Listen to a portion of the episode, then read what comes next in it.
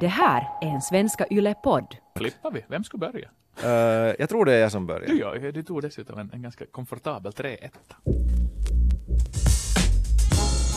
Då är det den tiden på året igen. Det vankas VM i ishockey och det är förstås ett givet tema här i Yle Sportens podd och inte bara den här veckan utan också de kommande veckorna för det finska folket älskar hockey-VM och det gör vi ju också. Eller hur, Antti Koivukangas? Absolut. Vi går in i den där VM-bubblan som man kan kalla det. Det är liksom maj månad. Det är, låt vara lite väl mycket snö på marken ännu, men liksom det är det det skall och brukar handla om. Och det känns på det viset skönt att, att det har varit en otroligt lång upptakt. Och att vi nu äntligen är där den veckan när det kör igång. Det känns befriande för att då vet man att, att nu börjar det på riktigt räknas och nu mäts de här sakerna som vi har spekulerat om så länge så att nej, det, jag är sjukt taggad. Det här ska bli så kul. Mm. Själv heter jag ju Krisu Vuojärvi. Nu skjuter vi iväg den här trestegsmissilen.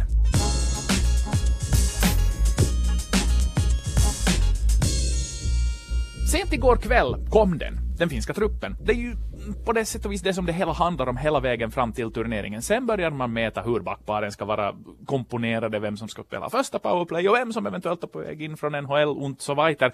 Men vi måste ha en trupp. Och det har vi nu! Eh, uh, Krisu, den kom sent igår kväll, ja. efter ett jobb uh, som du hade gjort under veckoslutet med uh, den tjeckiska EHT-turneringen. Mm. Uh, om man ponerar sådär, uh, var det någonting där efter att ni hade gjort färdigt med Toffe-referat, Keikan, som nu är som sådär what? Mm, talar om skrällarna. Uh, no, det finns tycker jag två sätt att, att se på det hela. Skulle någon i vintras ha presenterat den här spelarlistan som, som kom alltså sent igår kväll och sagt att här är Finlands VM-lag så nu, nu, nu ska man ju ha skickat den personen sannolikt till EK sen. Mm, sådär att det här är ett EHT-lag, mm, Exakt! jo, och, och till och med som så att det, är inte ens ett, det skulle inte ens vara ett sådär särdeles namnstarkt EHT-lag. Det är inte det där som man tar ut i hemmaturneringen som man vill vinna. ja, men, men sen om, om någon ska visa den här listan sig igår, tidigare eller i lördags eller i fredags så skulle man kanske konstatera någonting stil med att ah, no, ganska väntat sist och slutligen. Men visst finns det ju skrällar i laget. Joel Kiviranta, Vasa Sport, han spelade sin första landskamp i april. Mm. Eetu Luostarinen Kalpa, samma sak. Och, och varken Kiviranta eller Luostarinen han ens spelade ett JVM. Luostarinen platsade alltså inte här för ett och ett halvt år sedan i det finländska JVM-laget. Uh, och sen Christian Kuusela ska göra VM-debut som 36-åring. Och det är ju inte så att Christian Kuusela han har sina förtjänster som ishockeyspelare, men han har inte blivit plötsligt jättemycket bättre på sin åldershöst som ishockeyspelare, utan det är väl lite som Kajsa Vari sa då man tager vad man haver. Mm, nej, men så är det ju. Uh, det som för mig var som så frapperande när jag läste den där detaljen och, och konstaterade att är det här ens fysiskt möjligt? Eller alltså fysiskt möjligt är det ju, men liksom sådär rent praktiskt genomförbart. Att ett Finland i ishockey som spelar VM varje förbannade vår kan få ihop till en trupp där det är 18 VM-debutanter.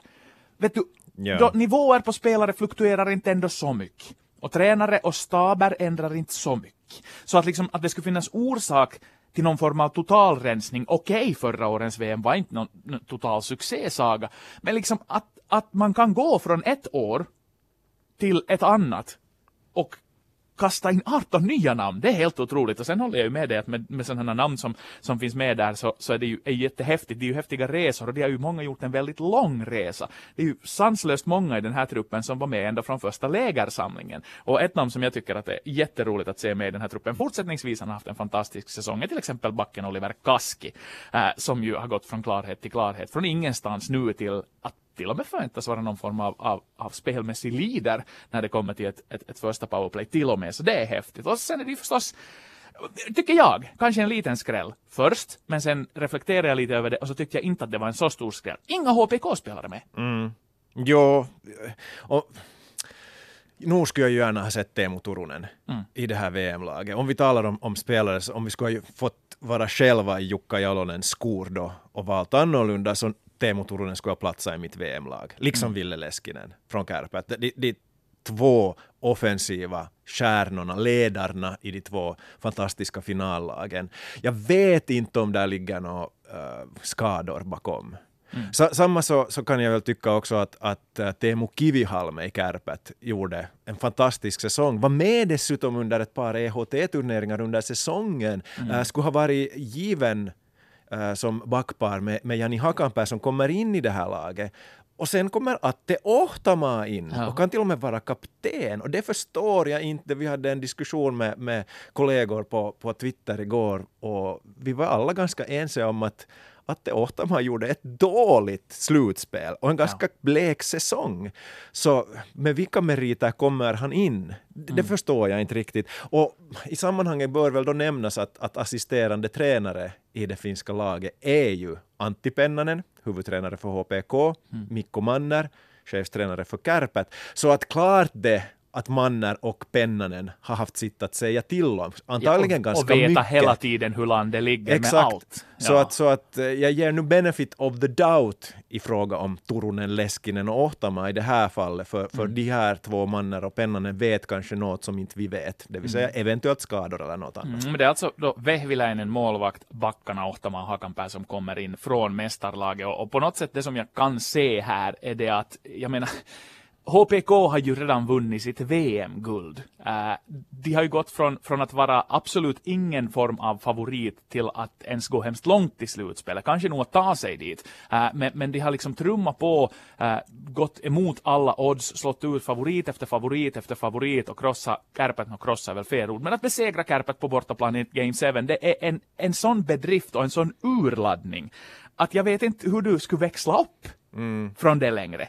När du där då har istället en Vehviläinen, en Ohtama och en uh, Hakanpää som har en hunger kvar, som har någonting ogjort, som är kvalitetsspelare, låt vara med antingen då bättre eller sämre säsonger eh, bakom sig. Så liksom det resonemanget kan jag förstå, men, men det är en jättebra poäng du lyfter fram det här med att när de här filurerna, just Manner och Pennanen, finns där i bakgrunden, så är det ju man, man skulle vara naiv om man skulle tro att det inte har funnits en dialog under redan pågående finalserie där Jalonen har ringt och kollat upp att ko- kommer den där Lesse att hålla ihop? Eller är det så att ni måste knäoperera vet du, idag, måndagen efter finalerna? Och, och hur är det med, med det och det och det? Att, att liksom bli koll någonstans måste ju vara ordet för att Hemskt mycket kan man, kan man liksom hylla den här landslagsuttagningsprocessen och hela, hela Lejonens stabs av verksamhet för, men den här med öppenheten och den här tydliga kommunikationen, det är nog inte en.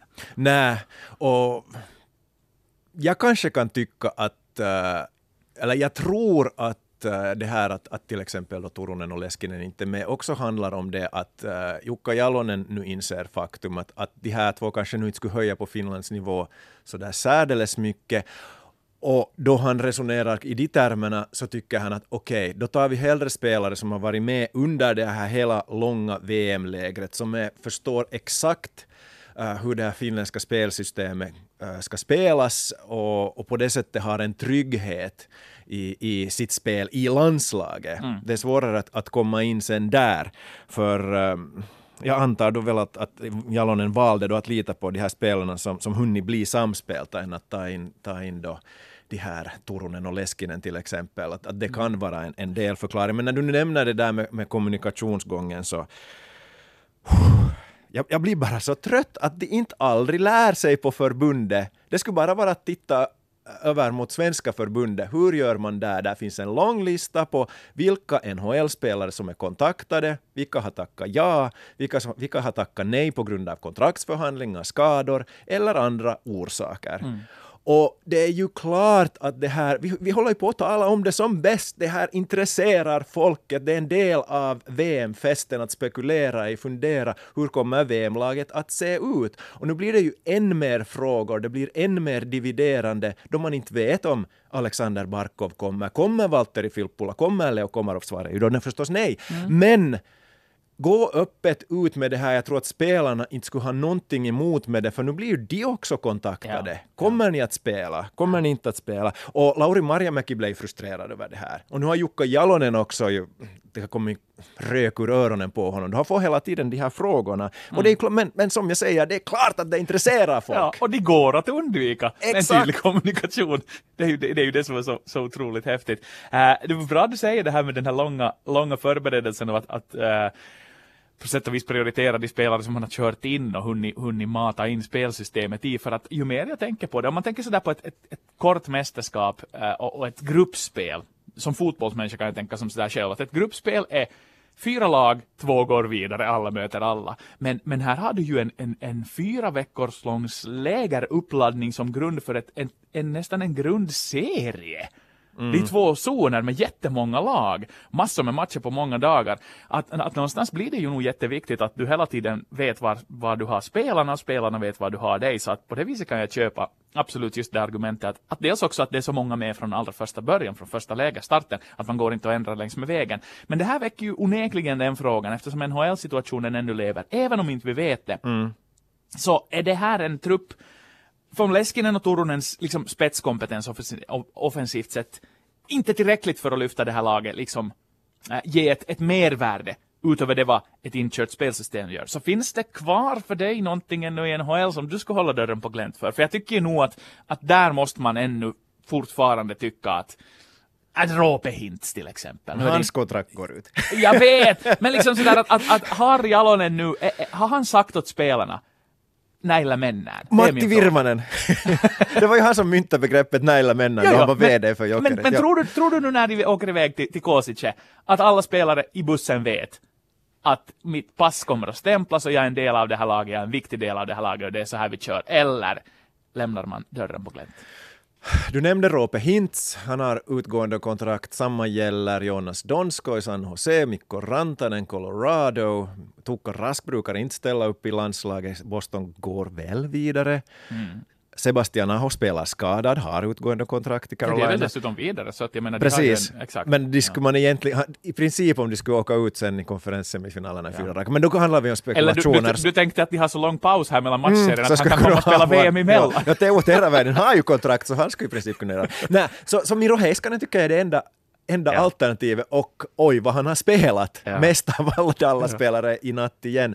Så att eh, eventuellt skulle jag lämna en plats i den finländska 25-mannatruppen oregistrerad. Men i övrigt så är det så som Matti Virmanen säger, men inte gör, det vill säga näillä männen, det är de här spelarna som nu är uttagna som kommer att representera Finland i Kosice och Bratislava. i, den, här- I den här truppen, man, man har inte bara lämnat alla dörrar öppna, man har ju haft varenda fönsterlucka och vädringslucka och kattdörr. Liksom Inte har man ju haft det. Möjligt. Man har, haft, man, man Nä. har, haft, nu har ju spelare fått komma, men de har det- aldrig tagit tacka nej! Nej, men det finns spelare som inte ens har blivit kontaktade och Nej, det upprör mig. inte. Nej, men Sami Niku och Otto Koivula, bra säsonger i AHL. Sami Niku, bästa backen i hela AHL, inte, inte den här säsongen, men förra säsongen. Och i en annan organisation än Winnipeg skulle han vara en NHL-back, det vågar jag påstå. Varför Ja, inte kontaktar han man ju ge inte den där spetskompetensen som han. skulle höja det Visst sådär skulle han. avsevärt. Skulle Visst skulle han. Niku. Klart han skulle göra det. Har du sett honom spela? Nä, har du sett Niko Mikkola spela?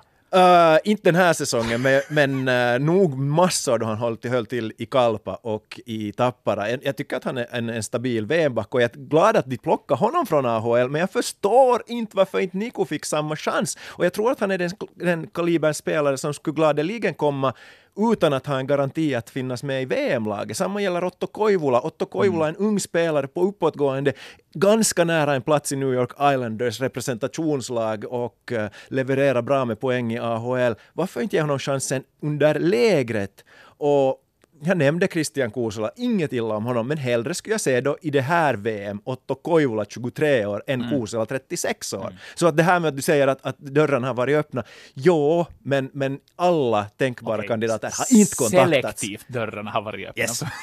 det kan jag hålla med om. Men nu är det ju, alltså när du nämner det där så, så nu, vi, vi talade ju om det redan, var det, var det förra veckan, alltså nu har ju landslaget något form av problem med suget. För det handlar ju inte bara om NHL, av, av Finlands 20 bästa poängplockare i KHL så tror jag att, att tre, fyra finns i truppen. Ja, ja. Och, och det förvånar mig att inte Ja. ens de här KHL-spelarna visar intresse. Eller Jesse Virtanen, kanske Mm. SHLs bästa back, han har tackat nej. Att, att Jo, jo. Någonting Alltså det- med landslaget som inte, inte just nu lockar inte på samma sätt som tidigare. Någonting som är ruttet där, det kan, jag- det kan jag hålla med om. Men om vi går vidare då från att, att fundera på att, jag menar, om, om vi tar nu till Matti Virmanens klassiska ord, Naila männen, Mm. så det är ju det vi gör. Uh, men Naila mentin också under veckoslutet. Och jag menar, eh, jag blev ju liksom sådär lite förbluffad ja, när jag, eh, jag kollade Sverige-matchen igår i sin helhet, mellan, att pendla mellan Villa och Norwich.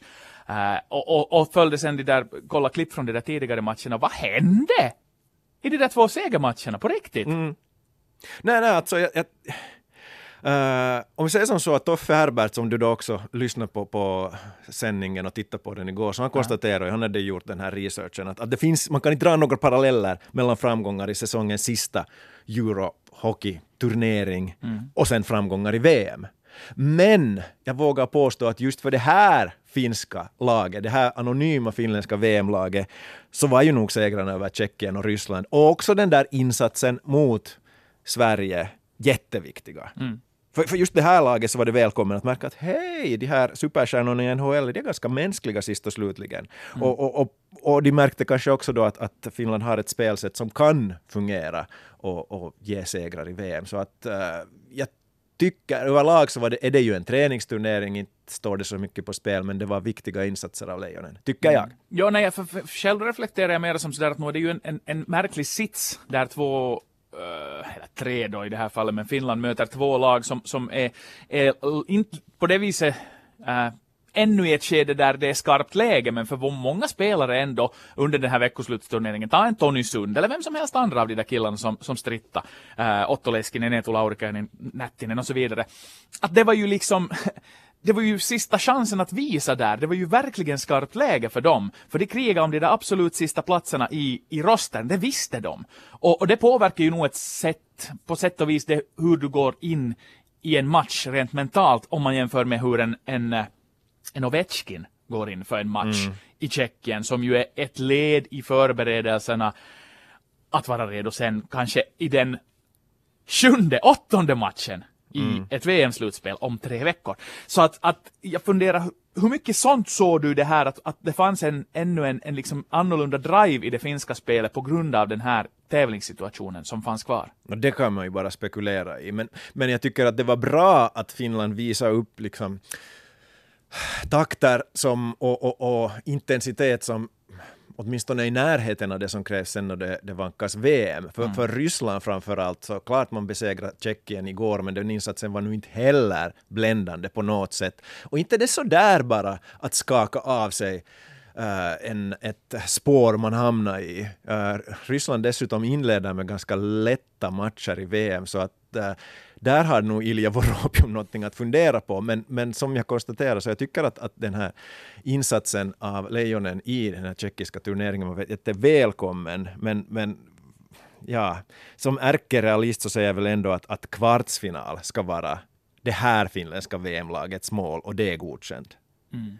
Och, och räcker det då med tanke på våra låga förväntningar? Jag bara tittar på hur vi inleder turneringen. Mm. Så det är ju fullständigt realistiskt. Eller till liksom, jag, jag kan se någonstans att, att Lejonen efter tre matcher är på noll poäng. Noll till, ja, men noll till två poäng. Det vill säga, det behöver inte lossna i början. Och det kanske inte ens är nödvändigt heller för det där avancemanget, tänker jag, va? No, nu skulle det vara bra med tre poäng. Den där matchen mot värdnationen Slovakien så den är ju nog i nyckelroll. Torskar ja. Finland där, så, så är det nog stora darren inför fortsättningen av turneringen. För sen blir matchen i så fall mot Tyskland, Tony Söderholms Tyskland. Har Kari Jalonen dessutom nu i tränarteamet där. Okay. Så, så de vet ju minsann hur man ska spela mot Finland. Ja.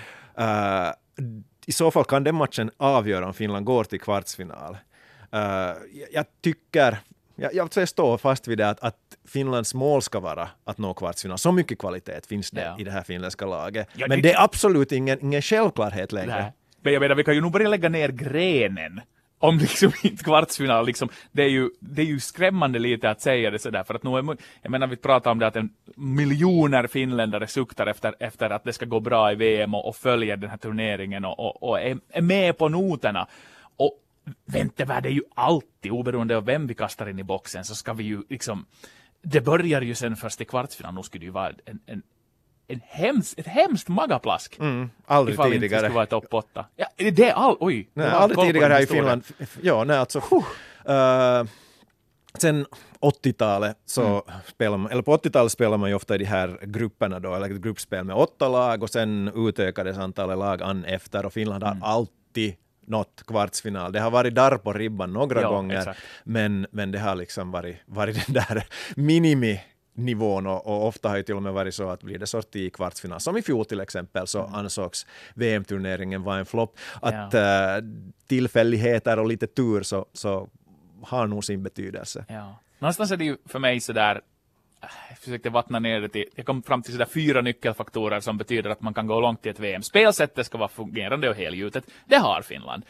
Målvaktsspelet är jätteviktigt. Mm. Och där upplever jag väl kanske att Finland har det. Även om Veini Vehviläinen inte blev guldmålvakten Med så frågetecken, är ja. det ändå lite frågetecken där. Eh, kollektiv försvarsvilja tror jag absolut inte att det faller på, speciellt nu när det är ett anonymt kollektiv som måste jobba tillsammans som lag. Men sen den där fjärde faktorn är den där individuella briljansen och skickligheten att plocka fram det där, liksom, det där nyckelkunnandet i skarpt läge.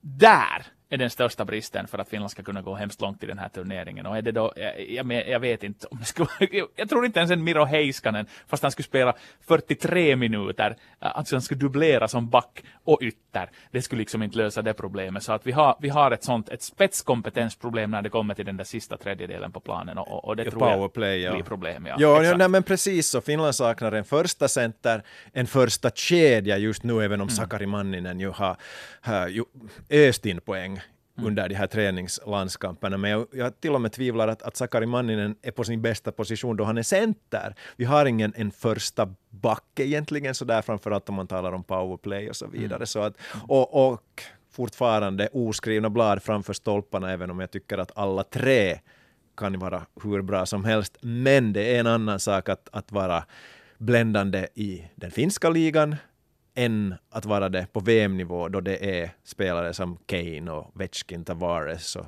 Pettersson och Louis Eriksson och så vidare som står för motståndet. För deras skott, äh, deras passningar, allt är lite bättre. Och, och Deras då- lön.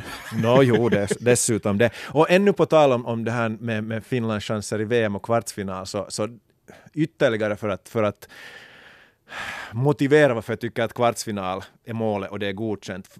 Om vi tittar på den andra gruppen, den som håller till i Bratislava, så Finland möter sannolikt i kvartsfinal endera Sverige, Ryssland, Tjeckien eller Schweiz. Och Finland mot de här fyra nationerna tycker jag är underdog. På, om man ser på pappret bara.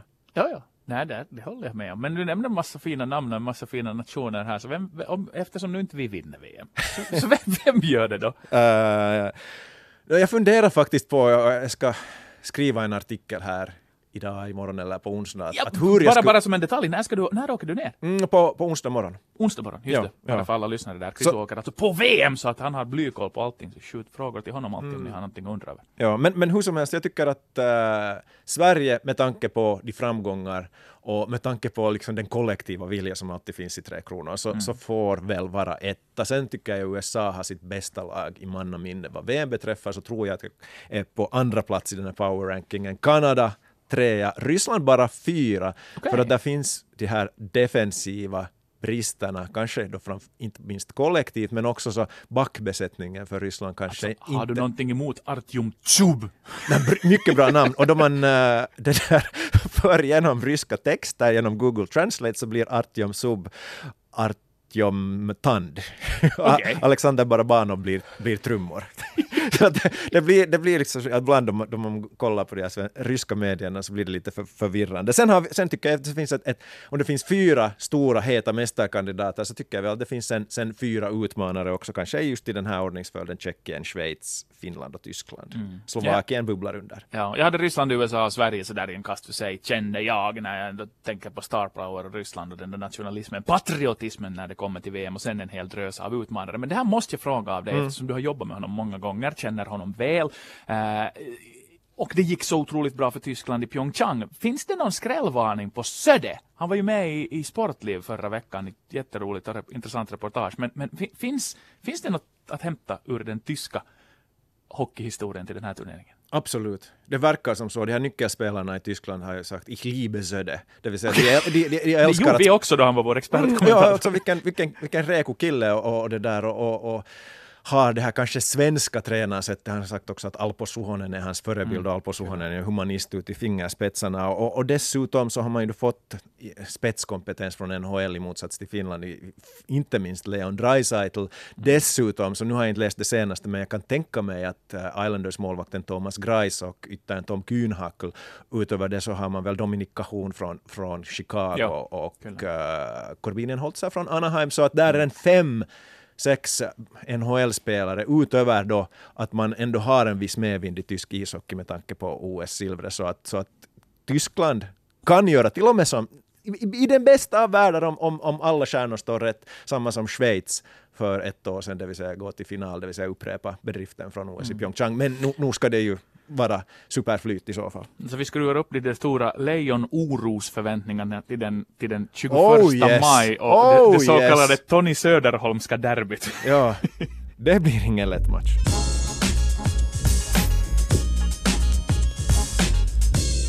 Vi har bubblat en hel del om VM och eh, vi har slutat med två frågor. Jag tänker fortsätta på ishockeyspåret. Eh, uh, NHL-slutspelet i full gång men antalet lag som återstår blir bara mindre och mindre. Min fråga, av de återstående slutspelslagen i NHL, så vilket lag skulle du Antti unna Stanley Cup-titeln? Mm, ja, det här, ja, vi nämnde ju honom redan tidigare. Någonstans så tycker jag att Tuukka Rasks fantastiska målvaktskarriär i NHL skulle behöva en, en sån här, en, en, vad ska vi säga, en sån här sista kvalitetsstämpel, en sån där yes. den, där, den där vinnarbekräftelsen. Ja, han har ju varit jätteifrågasatt den här Exakt, säsongen. och, och, och liksom spela kanske lite mindre än tidigare och, och alltså inte matchat så lika tungt men sen, sen han är ju så otroligt bra så att jag skulle någonstans vilja se, se Tuukka Rask vinna. Men sen kan inte jag liksom nödvändigtvis säga att, att just Bruins behöver ta hem, hem pokalen. Så äh, mitt val i den här frågan går nog, alltså jag, jag gillar så mycket kring den här Bunch of Jerks-gänget. Uh, Carolina Hurricanes. Uh, alla, alla berättelser, jag menar, ta Mr Game 7 som fortfarande harvar på där, är tillbaka. Uh, du har Brindamor bakom bänken som var med och vann när det begav sig 06. Finländarna naturligtvis, man kan inte gå förbi dem. Så att, att någonstans så skulle det vara häftigt att Carolina Hurricanes skulle få höja pokalen i slutet på den här säsongen. Det, det är min magkänsla. Du då? Mm, jag, jag har sympatier för St. Louis Blues. Inga finländare i laget, men Uh, någonstans har jag alltid lite sympatiserat med St. Louis Blues och inte minst efter att ha besökt stan för, för några år sedan, att mitt där ute nästan på prärien i, i USA, en stad och, och, och trots det så brinner nog den stan för ishockey. Och trots att man aldrig vunnit Stanley Cup och St. Louis Blues så var ju helt sist i grundserien i NHL där kring årsskiftet. Ja. Och sen så, så hittar man sin form, avancerat i slutspel och har bara farten när man nu en seger från konferenssemifinal. Så det skulle nog vara en häftig story om St. Louis Blues skulle lyfta Lord Stanleys buckla här i, det blir väl till och med in i juni Jo, jo, tills jo. det avgörs. Hej, min fråga ehm, kommer från, från eh, filmvärlden. Jag blev lite nyfiken på det för att um, så i helgen uh, en hundrade delen i Oceans-serien, alltså jag såg den med kvinnliga huvudrollsinnehavare, Oceans 8. Uh, charmig liten, liten rulle. Och kom att tänka på att, att din topp tre-lista på filmer som inkorporerar en siffra i titeln, börjandes från tredje till andra till första plats. Yes. Shoot. Eh, på tredje plats Seven, det vill säga den här rullen från mitten av 90-talet där Gwyneth Paltrows huvud hittas slutligen i en låda och Brad Pitt blir rosenrasande och så vidare.